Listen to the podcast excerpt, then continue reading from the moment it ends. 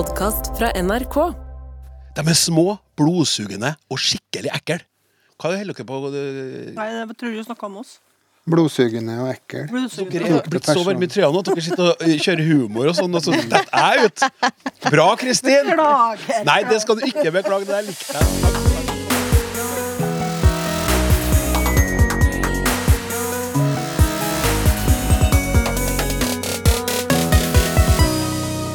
De er små, blodsugende og skikkelig ekle. Hva jeg snakker om? Veggdyr, så klart. Eller er det veggedyr? Har du noen gang tenkt på at på er i ferd med å danke ut om? Kan en bokstav være konsonant i det ene øyeblikket og vokal i det andre? Og hvis en hendelse beskrives som helt akutt, er den da mer akutt enn en hendelse som bare er akutt? Som du hører, spørsmålene står i kø i dagens episode av eh, Norges eneste program om språk, i alle fall på NRK. Det betyr at vi bare må komme i gang. Etter at jeg har gjort deg, kjære lytter, oppmerksom på at du kan bidra ved å sende en e-post til snakk krøllalfa.nrk.no, en SMS til 1987 med kodeord 'snakk', eller du kan søke opp Språksnakk i appen NRK Radio, og så kan du skrive en melding til oss der. Og så må jeg selvfølgelig presentere dagens eksperttrio. Uten dem står vi svarløs og rådvill tilbake. Her har vi Stian Hårstad fra Institutt for språk og litteratur, NTNU. Velkommen, Stian. Jo, mange takk. Ja, mange vær så god. Og vi har Mari Nygaard fra Institutt for lærerutdanning, NTNU. Velkommen, Mari. Tusen takk for det. Bare hyggelig. Og Kristin Mellum Eide, Institutt for språk og litteratur, NTNU. Hjertelig velkommen, Kristin. Tusen takk skal du ha, Klaus. Er dere klar? Ja. Veldig klar. Da kjører vi på. Mange sier at eh, J, J, er en konsonant. Selv hører jeg en liten forskjell mellom ja, ja og ja. Jeg kan forstå at noen betrakter J som en konsonant på engelsk, der uttalen noen ganger kan være z, som i Jesus. Men på norsk er uttalen av Jesus omtrent som den latinske Jesus. Hvis I og J er samme lyd, hvorfor er lyden en konsonant det ene øyeblikket og en vokal det andre øyeblikket?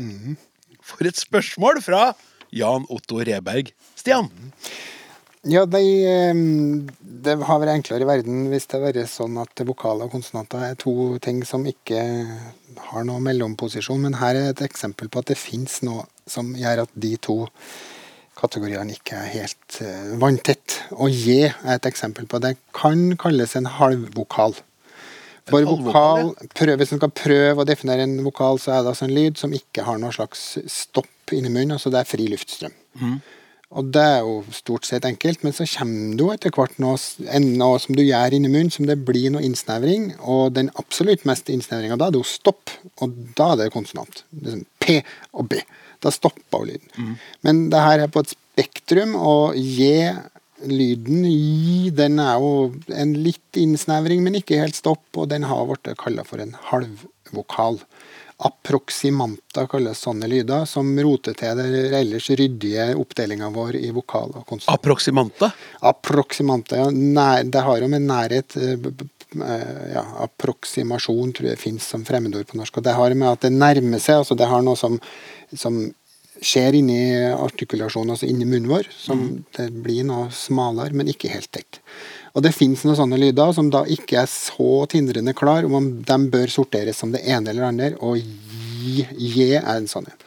O på engelsk, det som ofte skrives med W i starten på weep f.eks., er òg en sånn ja, det er en konsonant, men den er så vokalaktig at det er så entydig at den skal høres. Og, det, og en, en, en sånn amerikansk Eller en, en R, som også, altså en R-lyd, den er òg så vokalaktig at det er helt opplagt at den bør sorteres som konsonant. Så dessverre, det finnes ikke så tindrende klart skille der, sjøl om vi stort sett oppfører oss som at det fins enten vokal eller konsonant.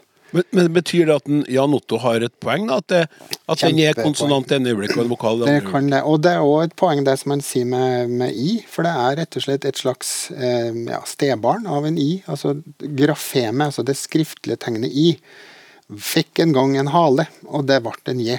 Sånn grafisk. Ja, Så historisk. Det, det er så bra hvis du tenker på folk som sier i og je om seg sjøl òg. Ja, det kan, det kan du si. I fikk en gang en hale, og det ble det je. Men sånn, sånn rent grafisk så var det faktisk det som skjedde. ja. Sånn i, i ja, latinskrift, som oss da For det mangla, mangla, Nei, det, mangla det for å grunnen så Men det var nok rett, rett og slett ofte den siste, f.eks. i romertall, når du skal skrive 13, x, i, i, i, så fikk det siste tegnet en hale for å markere at her er slutten. Det er en bakgrunn. Så det er rett og slett sånn fram, og Da har ikke noe forskjell på lyd. Praktisk, Eh, rett og slett. Praktisk, sannsynligvis. Men så begynner det der å, å vokse fram at det var faktisk forskjellige lyder, men så fikk det da forskjellig utvikling i forskjellige språk, som det ofte skjer. Og den som kan litt fransk og spansk og sånn, vet jo at eh, tegnet J, det, det har jo forskjellige lyder. Det er fajitas, det er en slags H-lyd. Ja. José. På fransk så er det en slags j, jour. Og det er nok det som har kommet til engelsk, i, som Jesus, Jesus. som man sier. Ikke likt som fransk, men det har nok et sammenheng med gammelfransk uttale av Så den tegnet J og lyden J er ikke bestandig én til én. Det stemmer fint på norsk, men det gjør det ikke bestandig på andre språk. Bare du kommer deg til Sverige. Og hvis du heter for Kristin, så uttaler de navnet som Kristin. Kristin, ja. Det Ja. er sant, det. Er- Du skal ikke lenger enn over grensa, så er det plutselig Der kan Et problem. Være ja. Mm. Ja. Så fint. Da, det var artig. Artig spørsmål og, og f- fint svar. Og ikke lenger enn til søta broder for å få eh, i-en til å bli en J. Eh, og da hopper vi videre. Eh, for nå skal det handle om på, eller skal det handle om om? Eller skal det handle om begge deler? Om på. Det skal handle om på. Takk, Mari. Jeg vil gjerne snakke om et lite ord. På. Som er i ferd med å slå i hæl et, eh, et annet lite ord, nemlig om. Nei, jeg tenker ikke på om som, det mest heilage, som den mest hellige stavinga i hinduismen, og som symboliserer Brahman og hele universet, og dere om. Det er ikke det her. Nei. Så stormannsgalen er jeg dog ikke på vegner av dette vesle ordet. Nei, jeg tenker på på og, og om når det er kobla til tid. På NRK sine nettsider så jeg, nettsider så jeg nydelig dette. Derfor blir du trøttere på høsten, på natta, på sommeren, og så bortetter i det uendelige. Av og til er det greit med på i stedet for eh, om. Til dømes midt på dagen, midt på natta. Men er dette nok et døme på at vi er så forbaska enkle av oss at vi helst vil bare ha ei løsning? Eller er det en rein smitteeffekt? Journalistene har jeg gitt opp.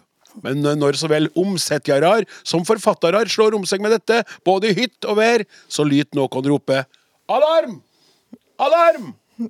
Takk for godt program. Beste hilsing Morten Haug Frøyen.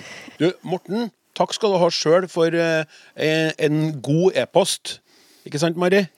God og underholdende. Ja. Eh, Det er bra at hinduismen holder stand mot proposisjonene, i hvert fall, om ikke, om ikke annet.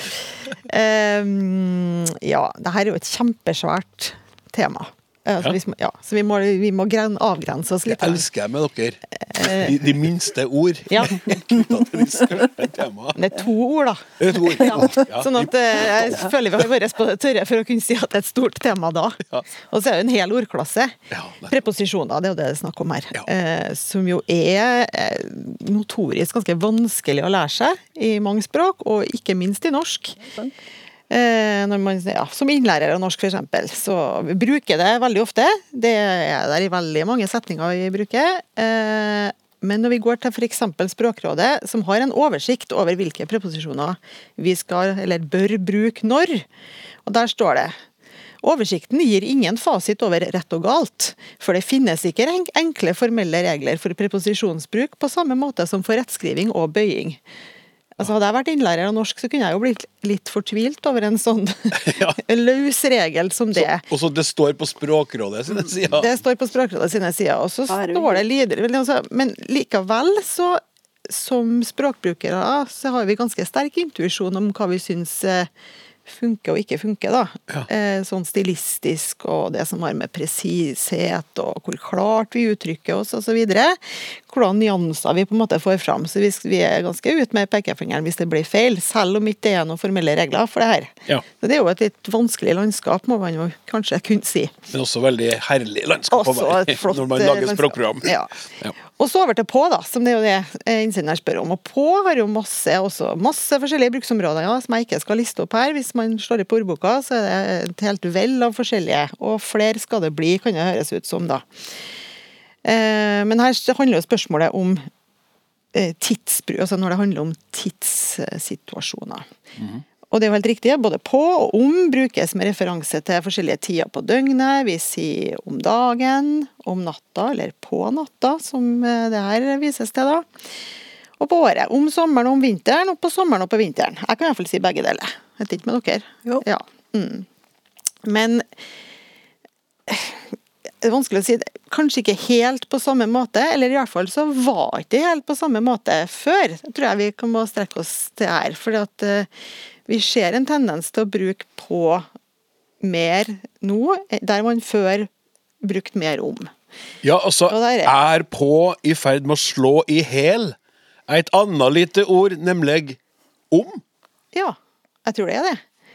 Eh, eller å slå i hjel, i hvert fall. Eh, ta over, eller ta, være stidestilt i bruk mer. Men vi sier altså om kvelden. Men så når vi skal ha, i hvert fall var det sånn tidligere, hvis vi skal ha noe som modifiserer foran, så sier vi tidlig på kvelden. Vi sier ikke tidlig om kvelden. Så der, når det, vi har noe Vi sier ikke uh, midt om natta, vi sier midt på natta, midt på dagen. Så det er en forskjell hvis du har noe foran som modifiserer. Men så kan du si seint om kvelden og seint på kvelden. Jeg kan i hvert fall det. Ja. Ja. Så ja, jeg tror det er riktig å si at på brer om seg. Og at vi ser mer altså på kvelden, på kveldene. Og det brer om seg ellers òg. Jeg viser igjen til Språkrådet. Der det står det det finnes motepreposisjoner. Jeg syns det er litt artig formulering. Det finnes motepreposisjoner som man gjerne kan unngå i skrift hvis man ikke ønsker å framstå som slave av språkmoten. Et eksempel. Hvis man ikke ønsker å fremstå som slave av Nei, og hvem ønsker vel Nei, det? hvem ønsker vel det i disse Nei. tider? Nei, vil man være fri? Et eksempel kan være på, som brukes i mye mer sjargongpreget tale. Være på gang, ha rett på penger, kjøre på alkoholfritt, står det her. Så det, ja, det brukes jo mer i en sånn type betydning som angående, eller litt sånn som engelsk on, egentlig. God på smak, komme med forslag på noe. Eh, vi er best på mat og vin. Kunden var stor på det, eh, gått ut på dato. Det er masse sånne eksempler på det her. Ja. Jeg vet ikke, det, det virker som noe liksom tar en sånn litt sånn generisk betydning. Jeg vet ikke om du er enig i det, Kristin? Jo, jeg tror det er viktig å være på i Ja. det her for for språkforskere. Det er nok det. Ja. Ja, men det du, du jeg, jeg tror nok at de som bruker på mest, er yngre enn de som bruker om mest. Så sånn sett så er det Det er nok en, en utvikling. Hvis det ikke bare er mote. Det kan jo være at det er vanskelig å spå i framtida, men Ja. det virker som det, får en, det nærmer seg nesten sånn at du kan bruke på når du kan bruke i forhold til. Så Ja. det blir en slags sånn eh, felles kirkegård for presposisjoner. Hvis du ikke vet hva du skal, så ty til på, eller, Eller i forhold, i forhold. til. Det Ja. blir en sånn generell preposisjon som liksom Det som preposisjoner gjør, det er jo at de tar en ting og plasserer det i forhold til noe annet. Ja, Så Derfor så er det ikke så rart at i forhold til liksom tar over for mange, mange preposisjoner. Men på er en uh, god konkurrent her, så det er nesten bedre at vi får på istedenfor om. Ja, det er mer effektivt, da. Kortere, i hvert fall. Ja. For at uh, Siden jeg begynte her, så har jeg jo mange ganger sagt uh, Jeg tenker sånn i forhold til Med tanke på mm. Retter meg sjøl dit, da. Ja. Der er jeg jo dratt inn på den. Så det er rett og slett sånn at eh, godeste Morten Haug Frøyen har eh, har eh, han a- a- ant, ugler i mosen, Ja. og har, det bekreftes av dere at det er en utvikling som Ja, går i pås retning. ja, og her har han vært på. Ja, og satt fingeren på noe som helt tydelig foregår. Ja. Både på og i forhold til har han satt fingeren. ja. Takk.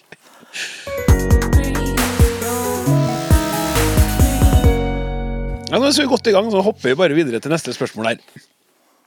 Nå handler det om eh, NRK igjen, vet du, og medarbeidere i NRK.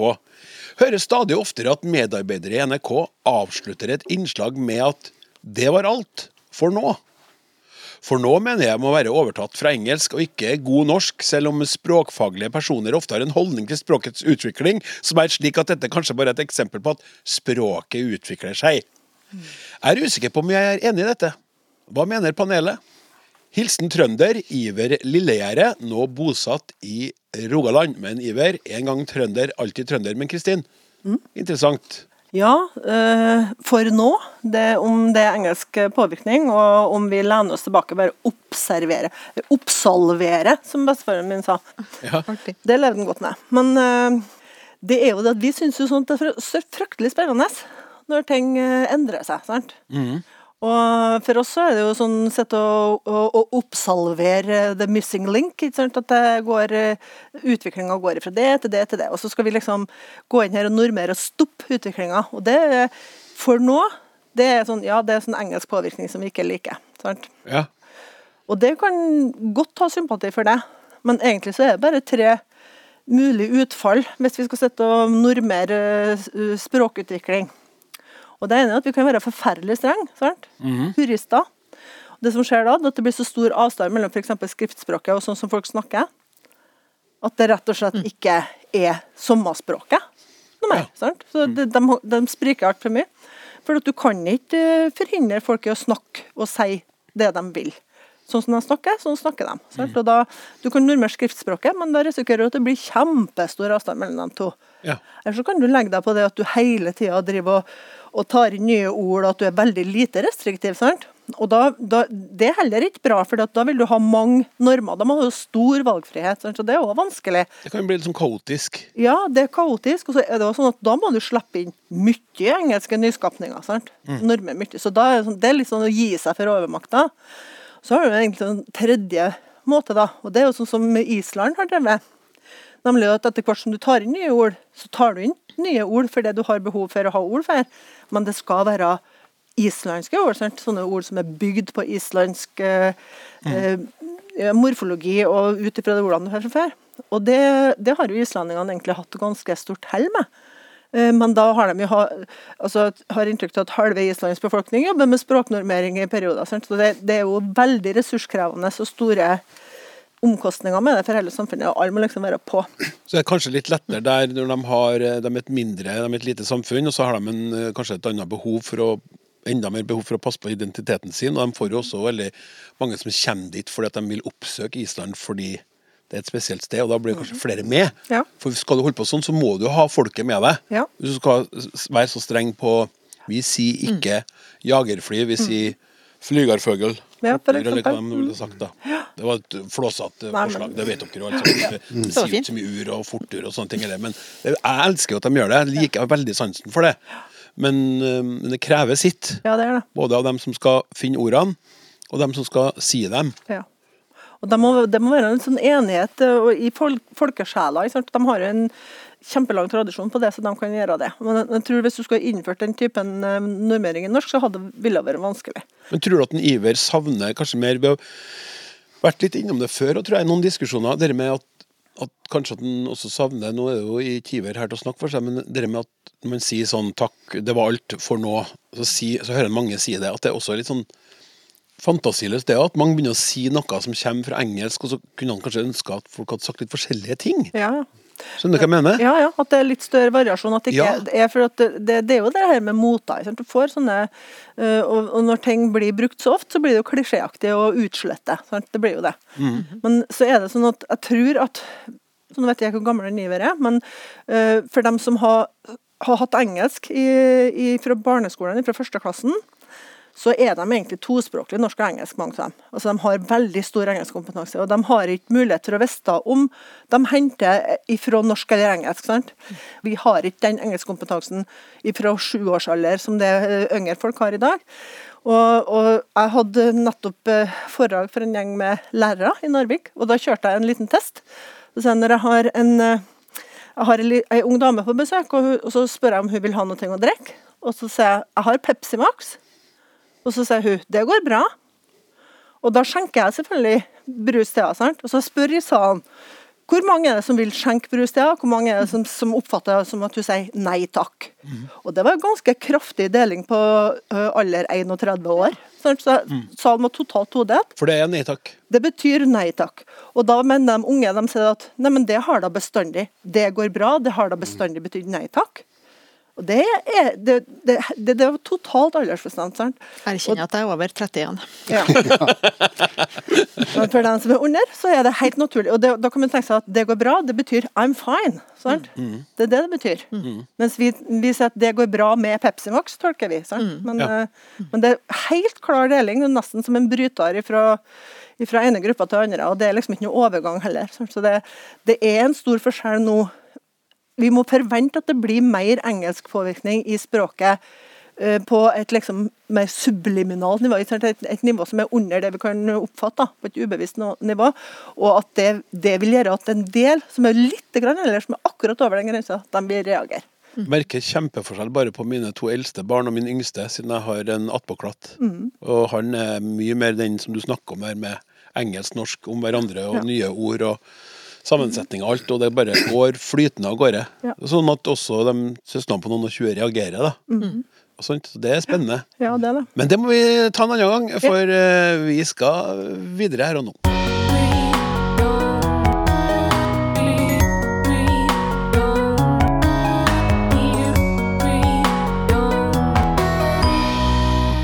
Ja, Du hører på Språksnakk og har besøk av eh, Mari Nygaard og Kristin Mjellem Eide og Stian Horstad. Er språkforskere alle tre. Skal snart få bryne seg på nye spørsmål, men først vil jeg bare lese opp noen tilbakemeldinger fra dere. Eh, jeg spurte jo i siste sending om det var noen som hørte på som var yngre enn de fleste som hører på Språksnakk, og jeg lurte på om dem eller dere brukte ordtak. Fått inn en fin melding her. Jeg bruker sjelden ordtakene dere har nevnt i denne podden i dagligtalen. Jeg har hørt om flere av dem, men ikke alle. Jeg er langt under 30 og har ikke funnet podkasten din ved hjelp av noen foreldre eller besteforeldre, men av min egen nysgjerrighet. Hvis du tar 30 og deler det på to og plusser på én, der har du meg. En 16-årig språkinteressert jente som går på restaurant og matfag fordi hun var skolelei, men som nerder på land, flagg og språk. Får gåsehud av hele greia. Strålende. Så utrolig hyggelig å høre, høre på deg. Spre gjerne det glade budskap. Og så snakka vi om det siste halmstrå og strikken som røyk, og ordtak som eh, blander seg sammen. Så kom den her. Et lite poeng når det gjelder uttrykket 'det siste halmstrået'. Så handler vel det ikke bare om, om at halmstrå er lite, men at det er det siste. Halm ble vel også brukt som fôr. Men om jeg ikke tar feil, så var det ikke akkurat førstevalget av dyremat. Så når man grep til det siste halmstrået, så var det vel full krise? Eller? Med hilsen Øystein Frank Nilsen. Og så kom det en til fra en Arve. Hei, Språksnakk. Takk for et interessant og lærerikt program, som så definitivt er en verdig avtaker til Språkteigen. Takk, Arve. Jeg sitter og hører på den siste podkasten nå, hvor en innsender har sendt inn formuleringen 'Det var det siste halmstrået som gjorde at strikken røk', og lurte på hva slutten av ordtaket med halmstrået egentlig skal være. Jeg ble litt skuffet over at dere hang dere fullstendig opp i å gripe etter halmstrå, hvor det siste halmstrået kan tolkes som siste håp, helt uten å svinge innom det siste strået som brakk kamelens rygg. Jeg er ganske sikker på at det er dette uttrykket innsenderen etterlyste, mener Arve da. Takker dere alle sammen for fine tilbakemeldingsbidrag. Marit har sendt inn en eh, artig fundering her, eh, som du skal få begynne med å svare på, Stian. Hei! Vi sier ikke faren min, men far min. Og ikke broren din, men bror din. Mor mi tok med bror min på tur, søster mi og mannen hennes reiste etter, men katten og hunden deres ble igjen hjemme. Hva er dette? spør, spør Marit. Og og jeg spør det, det samme til deg. Ja, nei, jeg kunne ha sagt det meste her. ja, Det tror jeg ganske mange i Norge kan uttale sånn. Men det som jeg tror hun reagerer på, er at hun forventer dobbel bestemthet. Mange sånne fraser som der, da regnes i moderne norsk med at dobbelt bestemthet Det er huset mitt og bilen min. altså Du bestemmer det ene, så har du sånn possessiv, som er, da blir dobbel bestemming. Her så er det eh, noe rart. for den Enkeltes få ord ser ut som de klarer seg bra med enkel bestemming. Far min, mor mi. Og jeg prøver å liste opp hvor mange det er, men jeg kommer ikke så langt, så det er ganske nærme familie. Far, mor, bror, søster, datter og sønn, kanskje. Sønnen min, datteren min. Mm. Jeg tror når hun nevner i svaret sitt mannen hennes, så tror jeg faktisk det er bestemt. Det er bare at det er ikke så lett å få med når det er på N. så Jeg tror det er mannen hennes der, altså. For hvis du hadde vært kona, så hadde du sagt kone hans. Så det tror ikke jeg ja, Nei. Nei, det- Men så der er det litt sånn snikbestemmelse. Men de andre, dem tror jeg Så det er søster min, datteren min Og så prøver jeg har Jeg tror ikke jeg kan si onkel min. Der går grensa. Så det er altså den, de gamle slektskapsorda. Og for en hvis det var en her nå som eh, levde på norrøn tid, så har ikke han reagert. For der var det unormalt med dobbel bestemming. Der var enkel bestemming. Så fader min har vært helt normalt på Du, norrøn. bare si en gang til, nå, for jeg henger meg på her, dobbel enkel bestemming igjen. Bare ta, bare ta Eh, Bilen min, Ja. da har du bilen. Der er det ei bestemming. Og så er det positive eh, Den min er òg en bestemmelse. Yep. Hvis du har det framfor, så går det bra. Min bil. Ja. Da går det fint med enkel bestemming. Og da blir dobbel bestemming rart. Min bilen, det er rett og slett Det er helt rart. ja, det er utenkelig. Det er helt utenkelig. Sånn at Det er jo noe med hvilken rekkefølge de her ledda er, men i moderne norsk så er det i aller fleste, tilfeller når det positive kommer bak, så er det bestemt det først. Om det er flere eller én, eller hva det er, så er det bilene mine, eller For biler min Kjemperart. Biler mine, det går ikke. Men akkurat i denne lille gruppa med slektskapsord er det både i skrift og tale ganske lang tradisjon for å ikke bøye dobbelt. Altså du har dem i ubøyd form. Far, mor, søster, og så eh, bak. bak. Far min, mor mi, søster mi osv. Så, videre. så det er enkel bestemming. Og historisk så var det mer uh, enkel Så norrønt som sagt har enkel bestemming. Så da er det fader min og søster Altså det var ubestemt, for at det er en, den bestemminga er noe som er kommet senere. Altså det at oss driver og har dobbel bestemming, det vil jo ikke dansker ha, f.eks. Der er det jo mye mindre Der er jo min bil, de vil jo ha forhåndsstilt. Ja, riktig. Ja. Så det er jo noe som har skjedd eh, historisk, sånn at akkurat de ordene her har levd videre i sin ubestemte form, men de har enkel bestemming. Så det er delforklaring. Det er mange som har det sånn. Det er utbredt både i skrift og tale. Mange talemål har det sånn. Så er det hvorfor akkurat de ordene her. Ja, hva dere tror? Det er kanskje en tanke om at de ordene de er jo så mye brukt, de er så nær oss, at de begynner kanskje å bli bortimot som eh, proprium, altså særnavn, Ja. som, som Klaus og Mari. Eh, det kan jo si Mari, Mari mi, kan jeg jo si og uten at jeg bestemmer henne. Marien min. Det er så, eh, sånne, ja, det sier sånne navn. min, du. Julie mi. Ja, det går jo an å bøye dem i bestemt, men det er ganske markert. Nei, det blir jo å spekulere, da, men bilen min, da kan du potensielt ha flere biler. Mens mor, far, Mm. søster Altså ja, søster kan jo ha flere, men det begrenser seg sånn.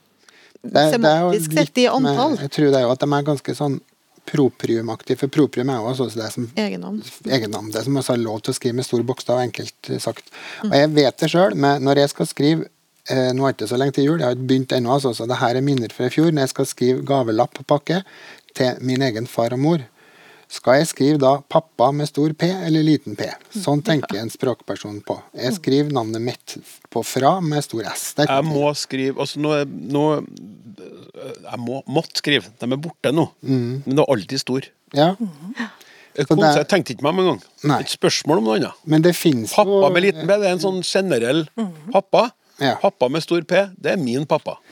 Så det spørs om at de ordene her de har såpass unik referanse. De, det er så udiskutabelt hvilket eh, vesen, hvilken person de snakker, vi peker til. så Derfor så trenger ikke de bestemming på sånn måte. Kanskje. Altså far min, da er det liksom faren min. Du, det går an å si faren min, det er jo mye brukt det òg, men akkurat i de tilfellene her så klarer du det med den ubestemtheten. Det er en eh, par ting som kan tyde på at det der er veldig rett. da. Så, eksempel hvis du sier 'oldefar min', det kan du godt si, sant? Men 'forfar min', det kan du ikke si. Nei. For det er ikke unikt. sant? Du kan ha masse forfedre. Så det, Og en skulle jo tro at når du kan si 'oldefar min', eller 'tippoldefar min', så skulle du kunne si 'forfar min'. Og det kan du ikke si. Og det, det, så det tyder på at det, Det handler om eh, at vi, vi bruker det som om det var navn. Sant? Mhm. At det er helt uni, de har unik referanse. Tilknytning. Ja. Ja. Emosjonell tilknytning. Og det er jo litt sånn med På mange talemål som har det her forhåndsstilte sånn han far. Du kan nok kanskje ikke si han fetter. Det blir jo helt rart. Ja. Han onkel kan du nok si. Men det går liksom en grense der for at det blir han fetter, ho kusine Eller ja, det, det, da, blir, da må du Det der er interessant, da. Kan jeg snakke om mye mer, vet du. Jo, jo, jo, men vi må jo sette i gang eh, tankesystemet, og så må folk skrive inn og spørre om mer. Og... Men hun datter kan du ikke si. Nei. Da må du ha hun datter mi. Ja. Kjempevanskelig det. Ja, nei, jeg må sette strek der. Vi, eh, vi skal over til å dele en, eh, en morsom formulering fra Sørlandet, faktisk. Som Joran Austrud ønsker å dele. Joran, aldri hørt det navnet før, veldig fint. Eh, jeg måtte google det, eh, og det- er da en variant av Jorunn. Eh, vi moret oss lenge over telefonsvareren da vi ringte fastlegen utenfor telefontiden. Trenger du helt øyeblikkelig hjelp, ring med trykk på helt. En av sønnene våre byttet til et annet legesenter i samme by. Vi trodde ikke våre egne ører da telefonsvareren lød. Velkommen til Hanse legesenter. Ved helt akutte henvendelser som ikke kan vente, Tass to. da, jeg tenker hvis jeg ringer sjøl og er litt Ja. og, og føler meg skikkelig dårlig, og så får jeg beskjed om det er helt akutt. Du er sikker på at det er helt akutt nå? Jeg er sikker på det er helt akutt. Hvor dårlig er du Det egentlig? føles ganske akutt, men er det helt akutt? Nei, det var det. Da må du presse to. Men hvis det er litt akutt, Ja. da kan du vente på svar. Eller noe. Ja. Nei, Jeg har bare lyst til å si med en gang full støtte til innsender. Jeg syns det er litt rart. Ja. Og, eh, jeg tror det er veldig utbredt, men jeg er enig. Jeg syns så det er litt eh, Det er på en måte litt unødvendig. Men det interessante er jo hvorfor det er litt unødvendig. Det er jo det vi må reflektere litt over, da. Jeg vet På mitt legesenter så har de en sånn greie med at du kan bestille akuttime. Og da betyr det at du kan få en time som er samme dagen. Men det er jo altså, samtidig Hvor akutt er det hvis du kan vente i fem timer? Altså, det er et eller annet rart med at kan du altså, Hvis det er akutt, så i min verden så skulle du tro at da var det på øyeblikket. Sånn at vi, og det, jeg vet ikke, altså det sier jo ikke innsenderen om akkurat om det hva slags andre alternativer som er på menyen på denne telefonen. Det blir jeg litt interessert i. da. Er det sånn hvis du kan vente en time? Er det helt, hva betyr den knapp nummer to? Kommer du da til 113, eller er det Ja. ja. Ikke sant. Men det vet vi ikke. Men, og, så helt akutt, er det da fortere enn akutt? Eller er det bare det samme som akutt? Ja. Men jeg tror vi må snakke litt om det som eh, kan kalles for graderbarhet. Altså om adjektiv kan bli gradert eller ikke. Sånn som for eksempel altså, kan du, være, du kan jo være død, men kan du være mer død og mest død? Steindød. Kanskje ikke, ja, ikke sant, sånne ting. Ja. I utgangspunktet så er det en sånn type adjektiv som i seg sjøl er på en måte Du kan ikke bli noe mer enn du allerede er. Du kan bli ferdig, men kan jo bli enda mer ferdig? Eller ferdigst? Og folk sier jo Men jeg er helt ferdig. Nettopp, du kan si du er helt ferdig, men det betyr noe litt annet. Ja. Eller, ja. Ja. Og litt den følelsen jeg får her med akutt og øyeblikkelig. Altså, hvor mye mer øyeblikkelig kan det på en måte bli? Enten er det øyeblikkelig og akutt, eller så er det ikke det. Ja, på akutten blir jo tatt, på sykehuset blir du tatt inn Ja. hvis det er akutt. Og da blir du henta i sykebil, kan du gjerne bli da. Men- Hvis du ikke klarer å karre deg ned dit sjøl. Ja. Ja, men du burde hatt uh, tre knapper, sant? Med akutt, akuttere, akuttest. Ja, ikke sant? ja. Men altså, spørsmålet om alle sammen har trykka på akuttest, det er jo det som er Det- det- det- vanskelig, da. Det, det, det er helt Helt, sikker på at de ville ha gjort, faktisk. Men det er så artig. Jeg, jeg fant Ja, det er, helt, det er akust, akuttest for meg. Ja, for da er det helt akuttest. Ja, det er superakutt. Jeg kikka, I medisinsk leksikon så har de et ord som heter subakutt. Det synes jeg var litt artig. Og Det er noe som utvikler seg relativt raskt og kan forventes å vare i begrensa tid. Så der har de en sånn ikke helt akutt, men litt mindre akutt, Ja, kunne virke som. Hvis vi hadde kjent til det ordet, da, Ja. For det, jo, det har jeg aldri hørt før nå. Nei, men, ja, men så hvis det hadde vært et, Mm. hadde vært et um, ord i dagligtalen, så kunne de sagt det. Ved subakutte hendelser så kan du ta og uh, sånn tast to, for da får du hjelp i løpet av dagen. For det sa du hva? Hva sto beskrivelsen av subakutt? Det står at uh, en, noe som utvikler seg relativt raskt, og som kan forventes å vare i begrensa tid. Nettopp. Mm. Da kan de liksom skjønt det. Ja, det her føles sånn. Mens med sånn, sånn ordentlig akutt, da føler man Mm. jo at man holder på å døve. Da vil man jo ha hjelp med en gang. Nettopp. Det er ganske rart at et sånt lite ord som helt kan skape så mye kaos. Men jeg tror ikke, jeg bare lyst til å si at for jeg tror ikke at denne innsenderen altså Det er ikke bare det legekontoret. Nei. Eh, Jeg fant ganske mange treff på forskjellige Nav-sider rundt omkring, og det var flere i Norge der det står sånne ting som hvis du helt akutt ikke har noe sted å sove og oppholde deg neste døgn, så skal Nav bistå. Og man får undre seg jo litt om, da, det, om det der står i motsetning til hvis at du bare litt akutt ikke har et sted å sove. Hva betyr det? Eh, Eller mm, et sted sto det om psykisk helsehjelp. Er det helt akutt? Kan du be om time samme dag? Men jeg tenker hvis det er så akutt, så burde du kanskje fått hjelp nå. Men- ikke om et par timer. Begynner kanskje da Nå er det en annen teori her. Ja, For jeg tror helt akutt begynner å ta over for akutt. ja kanskje det. Høres, det høres jo nesten sånn Ja. ut. Ja. Det er det. Så man har lagt inn det her, for sånn, er du sikker på sånn, Er det her siste eh, sånn, det her er, Nå er det, da er det Mm. skikkelig krise. Helt akutt. Ja. Så det har kommet inn som en forsterker som man bruker, og som man ikke bruker akutt lenger. Nettopp, og da kan man jo lure på om det liksom eh, helt utvanner hele, hele greia. Da Hva skjer da, når det er helt akutt og blir Nei, det gjenstår jo å se. Da. det- blir jo språksnakk 2024, 25, 26. Rett og slett. Men da har vi allerede lansert uh, Sonstads uh, forsterkerteori på helt akutt. Så da kan vi ta den opp til ny vurdering i Språksnakk 2024. Ja. Det er kult. Ok, kjære lytter, nå skal du få høre på et lydklipp som jeg syns er skikkelig ekkelt. Jeg bare, bare så det er sagt. Nei, altså det klødde, begynte å klø fryktelig etter første natta. Og så fikk jeg skikkelig utslett. Svære utslett. Og så Veggdyr er jo en av de første tingene man tenker på. Jeg, jeg satt i stolen ved siden av senga, og plutselig så krøyp en av dem over, og da knerta vi den. Og når vi da sa, så på Google, da, så så vi at det må jo være veggdyr. Åh. Ja, Så små og så gigantisk ekkel. Eh, vi har fått inn to e-poster knytta til samme lille eh, grufulle skapningen, som har blitt med i så mang en koffert eh, hjem til Norges land, og som eh, nå driver og sprer seg rundt i Paris, eh, OL-byen, eh, sånn at de har et kjempeproblem der. Hei! Eh, takk for et interessant og bevisstgjørende program. Spørsmål. Hvorfor skrives eh, veggedyr med E, altså veggedyr og ikke veggdyr? Lurer Tore Nygaard, Oslo universitetssykehus. Og trofast lytter skriver Hei, nå begynner det for alvor å lure. Har i hele sommer irritert meg over at de største avisene skriver veggedyr. Jeg trodde det het veggdyr. Det er snakk om disse krypene som vi kan få med oss eh, fra sydenferie. I går var jeg inne på nettet og ser at FHI også skriver veggedyr. Dette sammenligner jeg med fjellski som har blitt til felleski. Hva er dette? Takk for programmet som både er morsomt og lærerikt.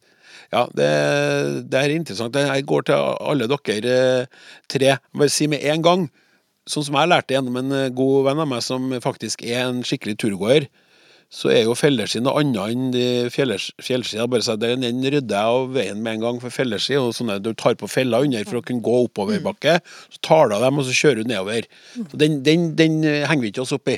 Men det her ekle lille krypet For meg spiller jo egentlig ingen rolle om det heter veggdyr eller veggdyr. bare jeg slipper å ha Ekkelt det uansett. i senga.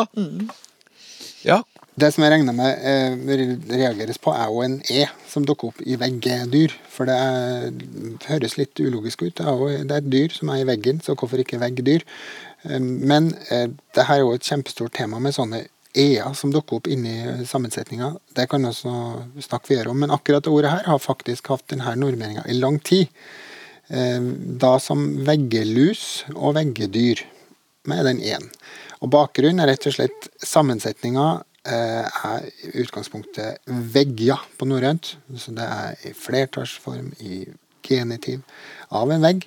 Og dermed ha den vokalen være med der i lang, lang tid. Så er nå E da, i moderne tid, men det var opprinnelig en A. Så i dansk så heter det veggelus og veggedyr. Og så hadde jeg blitt med på norsk med E. Men alle andre sammensetninger med vegg, det er uten E. Sånn at veggur og veggavis og sånne ting, de blir montert sammen på mer eh, moderne vis, uten den vokalen. Den vokalen er altså en fuge. Og det er den som dukker opp av og til, og som sikkert eh, ser litt rar ut. Men her har den faktisk en historisk eh, bakgrunn, og det har den faktisk ofte. Sjøl om den i utgangspunktet ser eh, ja, jeg skal ikke si uvedkommende, men litt sånn overraskende. For den bryter med et ordlagingsmønster som, eh, som er produktivt. Men det er jo lett å bygge ord med vegg. Det er jo bare å sette på. Altså, veggavis er jo en relativt ny sammensetnings... Veggmaling. Veggmaling, ja. Så det er den enkle forklaringa på det enkelte ordet. da, Det har faktisk hatt en E i lang tid. Ja. Kristin, du satt og, når jeg leste opp om dere veggdyra, så begynte du å kl- klø deg i Ja. håret. og Får du også sånn eh, Ja, jeg er- så lett påvirkelig, ja. Så radio, det påvirker meg så gærent. så- så- Skaper bilder i hodet. Ja, det skaper bilder i hodet. Så det er sånn. Det er sånn. Ja. Men eh, det, nå snakker snakka han spesifikt om det her veggedyr, men så generelt sett så er det jo sånn at svenskene syns jo at vi er helt eh, fullstendig på vranga med det her med e-ene våre. Så de bruker jo det til å gjøre narr av oss.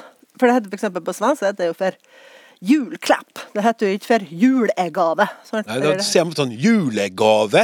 Julegave. Det ja. Nordbergerne, ja. Det er sånn, Ja. ja, vi har en liten julegave. Ja, det- Jeg syns den ene er snål. Ja, de synes det er Eller ikke sånn- snål, faktisk, for det er jo eh, hyggelig, men konstig. Ja, konstig. Rolig. Rolig, ja. Men eh, også for eksempel barnseng. Barneseng, sier vi. sant? Ja. Så de syns at vi er veldig rare. Og det, det, her med, det her er jo en del sånn anekdoter som går fra langt tilbake når vi snakker om nordisk eh, språkforståelse. sant? Når du skal F.eks. svensker får eh, oppgitt ord, så skal du krysse av for om de er, er det her norske ord eller ikke. Og da, er det sånn, da bruker de denne én en eh, som en markør. Så f.eks. gulebøy. Det, det var et av ordene som var på sånn 'Vil du bli millionær?' sånt, så, så på svensk TV. Og gulebøy, det tenker jeg, ja, det er nesten akkurat det samme som tyttebær. Så når du, når du står igjen med valget tyttebær og gulebøy, vel, hvilke av dem her er det som et norsk ord? Jo, det må være gulebøy. Og det betyr banan, tror de da, på norsk. sant? Å ja, gulebøy. er Gulebøy, sant. gulebøy er Men, men hva er det? Er det et ord? Er det bare tulleord? Nei, det er bare et tulleord. Ja. Som blir lurt, da. Som blir lurt. På grunn av fuge 1. På grunn av fuge 1, for så lenge det er en fuge, så tenker ja, men det her er, her er det som skiller norske fra svensk. Ja. Barneseng og jul, Hun, hundemat. Og hundemat. Kattemat. Og Ja, ja. Kattmat, hunde... svenskevits. Hæ? Svenskevits. Svenskevits. Svenskevits. Ja, ja. Svenskevits. Ja, Og gulebøy. Så det er sånn at eh, når det gulebøy er laga etter norsk mønster, da må det være et norsk ord. Men det er jo ganske, er ganske artig på to måter, da. For at den ene er jo den én, den fuge-én. Men for et navn på banan! Hvis du er litt sånn banalt språk, språksamfunn. Jeg mener jo at vi nordmenn er litt dumme, da. Å, se gulebøy! Gulebøy! Gul å bøye seg. Kan du, kan du sende meg en sånn gulebøy? Jeg er litt småsulten. De tenker jo sånn på også. Litt sånn eh, Det sier ganske mye, ja, sånn apene apen oppe i nord, ikke sant? Ja. Det sier ganske mye om hva de syns om nordmenn. Ja. Nordberger. Men det er jo ganske mange nordmenn som klarer oss uten EA òg, da. Med, så ikke minst trøndere som har fiskemat, f.eks. eksempel Fiskemat vil Ja. jo da bokmåls- eller nynorskforma være. Kan si hundmat òg. Ja, hundmat, ja. Ja, men i- Men du skal jo skrive det, Ja, så må du ha med. ja, fiskemat og hundemat. Sånn Ja. at Der er jo mange nordmenn i tale som er på lag med svensk, mens i skrift så er det mange flere sånne fuger som må skrives. Så hundemat må du jo ha, men eh, julaften har jo ikke noe E, mens juledag har jo en E. Så det er jo et salig kaos. Ja. Ja. Og danskene er vel kanskje enda mer glad i det å ha sånne e-er, for de skriver jo vikingetid, f.eks., og li- lærlingetid. De setter jo inn e-er enda mer. Var det ikke enn- julaften da? Ja, det kan jo godt det hende. De. Ja, det- jo, det tror jeg faktisk. Ja. Men det er jo, det er jo som, som du sier, i talemålene, så skjer det jo Vi trønderne vi har jo apokop. Apokopé, som det heter. da. vi har apokop. Og jeg har annet en svoger sør i landet som tror at han, hvis han bare kapper alle e-ene til alle ordene, så er det trøndersk. Så når han sier til søstera mi Mari 'elsk du meg ikke', Da tror han at det er flytende trønder. En kjærlighetserklæring. Elsk du meg ikke. Og så sier hun åh, hjelpe meg, ta en gulebøy du nå, Kristin. Men um, når det gjelder denne fuginga, da. eh, en annen bokstav som også er mye brukt i fugesammenheng. Ja, ja, riktig.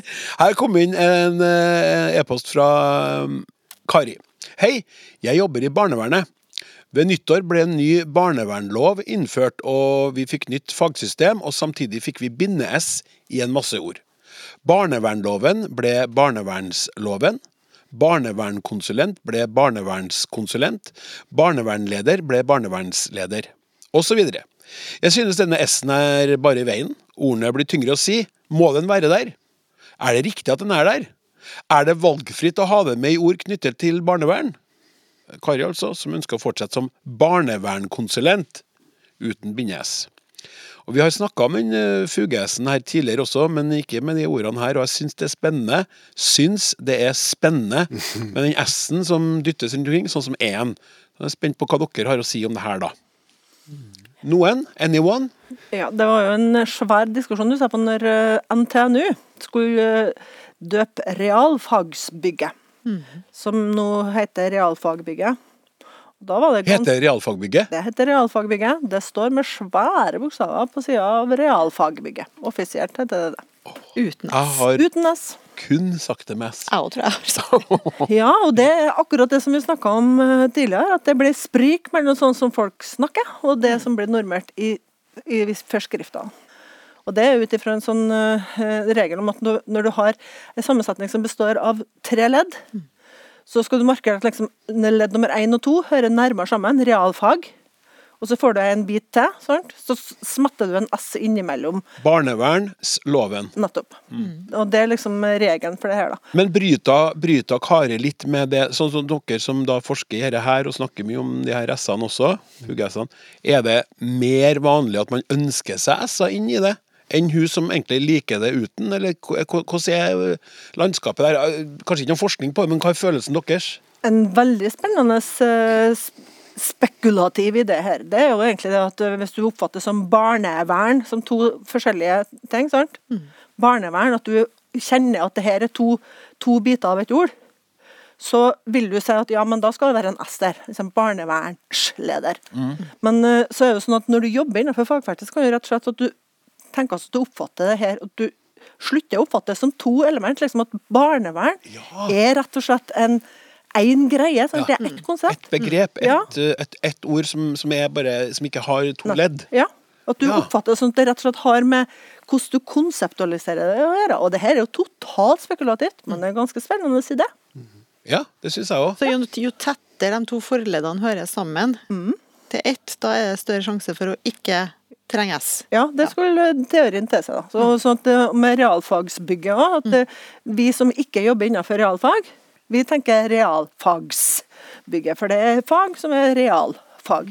Men for de som jobber innenfor realfagene, så kan det tenkes at de har følelsen av at realfag det er ett begrep. De trenger ikke noe, trenger ikke noe S der. Nei. Det er to. Men hvis jeg kan få spørre dere nå, og da er det lov til å svare øh, som altså privatperson, også i betydningen 'jeg syns at', 'jeg kjenner at'. Hva, hva har dere foretrukket, da? Eh, Barnevernloven eh, eller barnevernsloven, Stian? Uten. Uten barnevernloven? Nå er det null sekunder betenkningstid, så det er Ja. mulig jeg angrer meg om en stund, men sånn helt Ofte så er jo det som, som en quiz, for Ja. eksempel, så er jo det du skal Det- svare. men- Mari? Jeg tror jeg ville hatt S, faktisk. Ja? Kristin? Ja, absolutt. Barnevernsleder, for eksempel. Det høres barnevernleder. Det høres ikke Nei, jeg ville ha hatt S. Så hvis noen er interessert i min ringe mening, så er det da tre mot én, Stian. For jeg må også si at jeg vil gjerne ha den gjesten der. Altså, men som, som med alle sånne ting, med en gang man begynner å tenke på det, så blir jeg Nå er jeg, nå er jeg sterkt i tvil. Enn et halvt minutt. Så, så, Det var ikke et halvt minutt engang. nei, så er man liksom ja, Ok, da er to to, da. Mari. Nei, Din værhane. Din værhøne. Over til the dark Det finnes jo sånne S-er som en kan si er helt De må være med fordi at det gir annen mening, da, men sånn som sjef og sjefs, for eksempel en sjefsekretær versus en sjefssekretær. Ja. Fordi det kan forstås altså Den ene er sekretær for en sjef, den andre er sjefen av sekretærer. Så, men det er jo tindrende klart hva det er det ene og det andre. Men det finnes jo sånne forsøk på at den S-en den er med på faktisk gi det helt forskjellig mening. Ja. Ja. Det er jo sånn i, i dameskinnshansker Ja. også, sant? At du, hvis du setter på en S der, så er det ganske makabert. Sant? Ja. ja. Altså, I barnevernseksempelet, eller barneverneksempelet, da, så leser ikke jeg inn en sånn type tvetydighetsmulighet, i hvert fall. Og derfor så tenker jeg jo at pluss minus S ikke er så Det, for, meg, for meg her blir det mer at jeg, jeg syns, i motsetning til Kari og Kari, det er ikke sagt som noe annet, det, det er bare min mening, syns jeg det blir lettere å si når det er nest der. Jeg syns det blir mer fart gjennom det. Barnevernsloven. Barnevernloven. Sånn som jeg. Men jeg tenker når alle når jeg har sagt det, sånn som du litt sier, jeg begynner å gå litt mot det sånn, barnevernet, fikk jeg til å si det veldig, veldig bra. Jeg er barnevernleder. Barnevernsleder. Og Det er jo det som er eh, konklusjonen. Når mange som har prøvd å gå gjennom og prøve å finne mønster her, og så finner du en viss ryddighet, søren, så finner du noe som, ikke, som bryter med det her. Så det er et område som er kjempevanskelig å finne absolutte regler. For det er sånn med, med ENA, da, fuge-EA, så, så funker det jo bra med så det eh, Oftest når det er ei enstavelse, så bjørkestamme, prestegård Det finnes jo ingenting som er en preste, og det er jo ikke bjørke. Så der er det jo noe som er satt inn. Men åskam går jo fint. Det er jo ikke åsekam. Så det, det er liksom å sette opp en absolutt regel det er helt håpløst, og det viser seg over med fuges, da, sjøl om vi da har det her to, to ledd først, og så kommer et nytt. Stort sett går det bra med S, men det skal ikke så mye leting til for at en finner noe som går imot det. Ok, men helt, eh, helt eh, til slutt da, i denne diskusjonen. Kari lurer på om, om det er valgfritt. Hva har dere ville gjort? Har dere, vært så rebe har dere vært rebell nok til å droppe S-en? Eller dere bare Kanskje ikke på navnet på en lov, for den er liksom nokså fastsagt. Men titler, sånn som en barnevernsleder, er jo kanskje ikke så beskytta på samme måte. Men navnet på en lov tror jeg kanskje er gjort sånn som det står. Og da ble det tungt. Da kjenner jeg at jeg kom til resignert. Hvis jeg hadde vært mot S-en, så hadde hvis jeg måtte ha gjort det på noe, så hadde jeg gjort det på alt for å bare sluppe og havna i trøbbel, rett og slett. Jeg vet ikke om det ble noe klokere av det her, eh, Kari, eh, men eh, ja, vi gjorde som best vi kunne. Hei!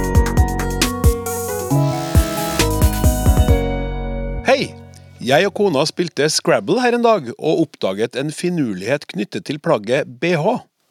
Det er også mulig å bokstavere dette ordet, altså i spillet, slik det uttales. Altså B-E-H-Å. BH. Vi diskuterte om det finnes andre forkortelser som kan skrives slik det uttales uten å komme frem til noe svar. Stemmer dette, eller finnes det massevis av eksempler på det samme? Hva er i så fall årsaken til at akkurat dette plagget har et navn med denne skrivemuligheten? Og så undrer Dag Nome da på om det handler om at man skriver det på den måten for å maskere eh, brystholder i B-E-H-Å, for å få det litt sånn unna det faktum at BH-en er utapå kvinnens bryst. Mm, takk for opplysninga. ja, bare hyggelig. Eh, For å ta det første først. Jeg vet ikke helt hva jeg skal slå opp hen for å finne om det er så mange sånne ord, men jeg finner ikke så mange sånne. Så det er relativt unikt at det skrives ut med altså alle lyder. Det var i en stund så var TV i bruk med T-E-V-E, og det finner jeg ganske mange treff på, men det er ikke normert. altså det er ikke sånn at det er oppført i ordbok, men det, det finnes det ganske mange treff på. Det er de eneste to som jeg finner i farten sånn uten at jeg leter så mye mer. Eh, BH i den firebokstaversversjonen jeg ser ut som jeg er lånt fra svensk og kom i bruk på 50-tallet. Hvis jeg ser litt utafor sånne normalord, så, så går det an å finne eksempel som jeg kanskje ikke tenker på. Eh, Esso, bensinstasjon eller hva de driver med nå, pølsebu, de kommer av SO, bokstaven SO, Standard Oil på, på engelsk. Altså firmaet heter Standard Oil. Så Esso det er jo et sånt, men det er jo et firmanavn. altså Det er ikke det samme. Og Ellos, for den som har handla i Ellos katalog, det er òg det. En sånn nok en gang svensk oppfinnelse. De begynte, det er altså hva de heter, Lars og Olle, selvsagt, som svensker heter. De skulle da kalle seg LO, LOS, altså gentidsform, LOs. Det ble stoppa fordi at det ble forveksla med LO, landsorganisasjonen, som de òg har i Sverige. så Derfor så fikk ikke lov til det, men da skrev de det ELLOS. Så det kommer òg altså av en sånn initialsammensetning. Og så finnes det relativt lokalt i Trondheim, for den som husker Trondheim nagle- og spikerfabrikk. Det fantes i mange år. De skulle naturligvis bli kul og moderne på 80-tallet, og skifta da Den forkortelsen er jo TNS, og i dag heter firmaet Tines. Ja. Det skrives altså T-E-N-E-S-S på en slags sånn engelsk måte. Ja. Tines, det er TNS. Trondheim nagle- og spikerfabrikk. Så det er de som jeg finner i normalspråket, så er det altså bare BH som skrives sånn. ja og Men OK. Ja, det kan du si, men jeg vet ikke om det er det normert, og det er kanskje det er OKE Men uh, i, hvert fall med ja. SMS-språk så skriver Ja. ganske mange Å og Det skrives på mange OK. Ja, Med å. Mm. har du et eh, sånn et ord på luringa, kjære lytter, så skriv gjerne til oss. SMS til 1987 med kodeord 'snakk' eller 'snakk' krøllalfa nrk.no. Så kan du gå inn i appen NRK Radio, finn språksnakk, og skrive en melding der, og da vil du kanskje bli en av de første som gjør det, for det har vi aldri snakka om før. for den her. Men Stian, hva med det her eh, eh, antydninga til i dag om at det, det handler om å fjerne ordet fra den opprinnelige betydninga, altså det med å skrive B-E-H-Å. Da er det ingenting igjen som antyder at det har noe, med helst, noe som helst med bryst å gjøre, som en antyder. Kan det, hva, kan det være? Det kan nok hende. og Det er jo effektiviserende, det er jo sant. Eh, For både bysteholder og brystholder, begge to er faktisk bakgrunnen for BH. Og bysteholder er jo kanskje mindre eh, intimt.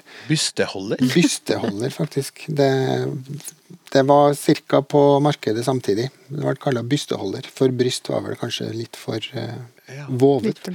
Eh, Så det, det er jo et langt ord, sånn at det kan jo ha noe med saken å gjøre at det er effektiviserende. Men det kan nok ha at det er litt sånn eh, et område av Det er kropp, da, og det er jo av og til problematisk. At det passer seg å pakke det litt inn og kalle det BH. Litt uten at det er kropp, litt kropp. Eh, WC er òg litt sånn. Det er noe sånn eh, halv eh, Noe som du ikke nødvendigvis vil sette så klare ord på. Det er jo typisk et område det ordet for avtrede, det finnes jo mange sånne som er nettopp sånne litt eufemistiske, forskjønnende.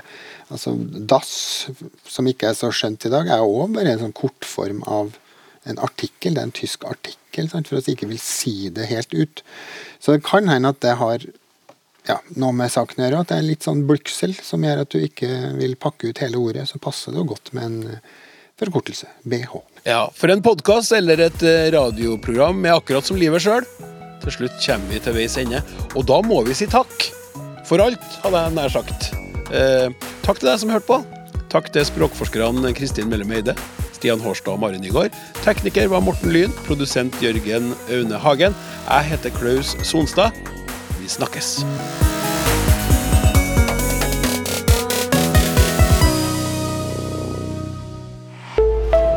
En podkast fra NRK.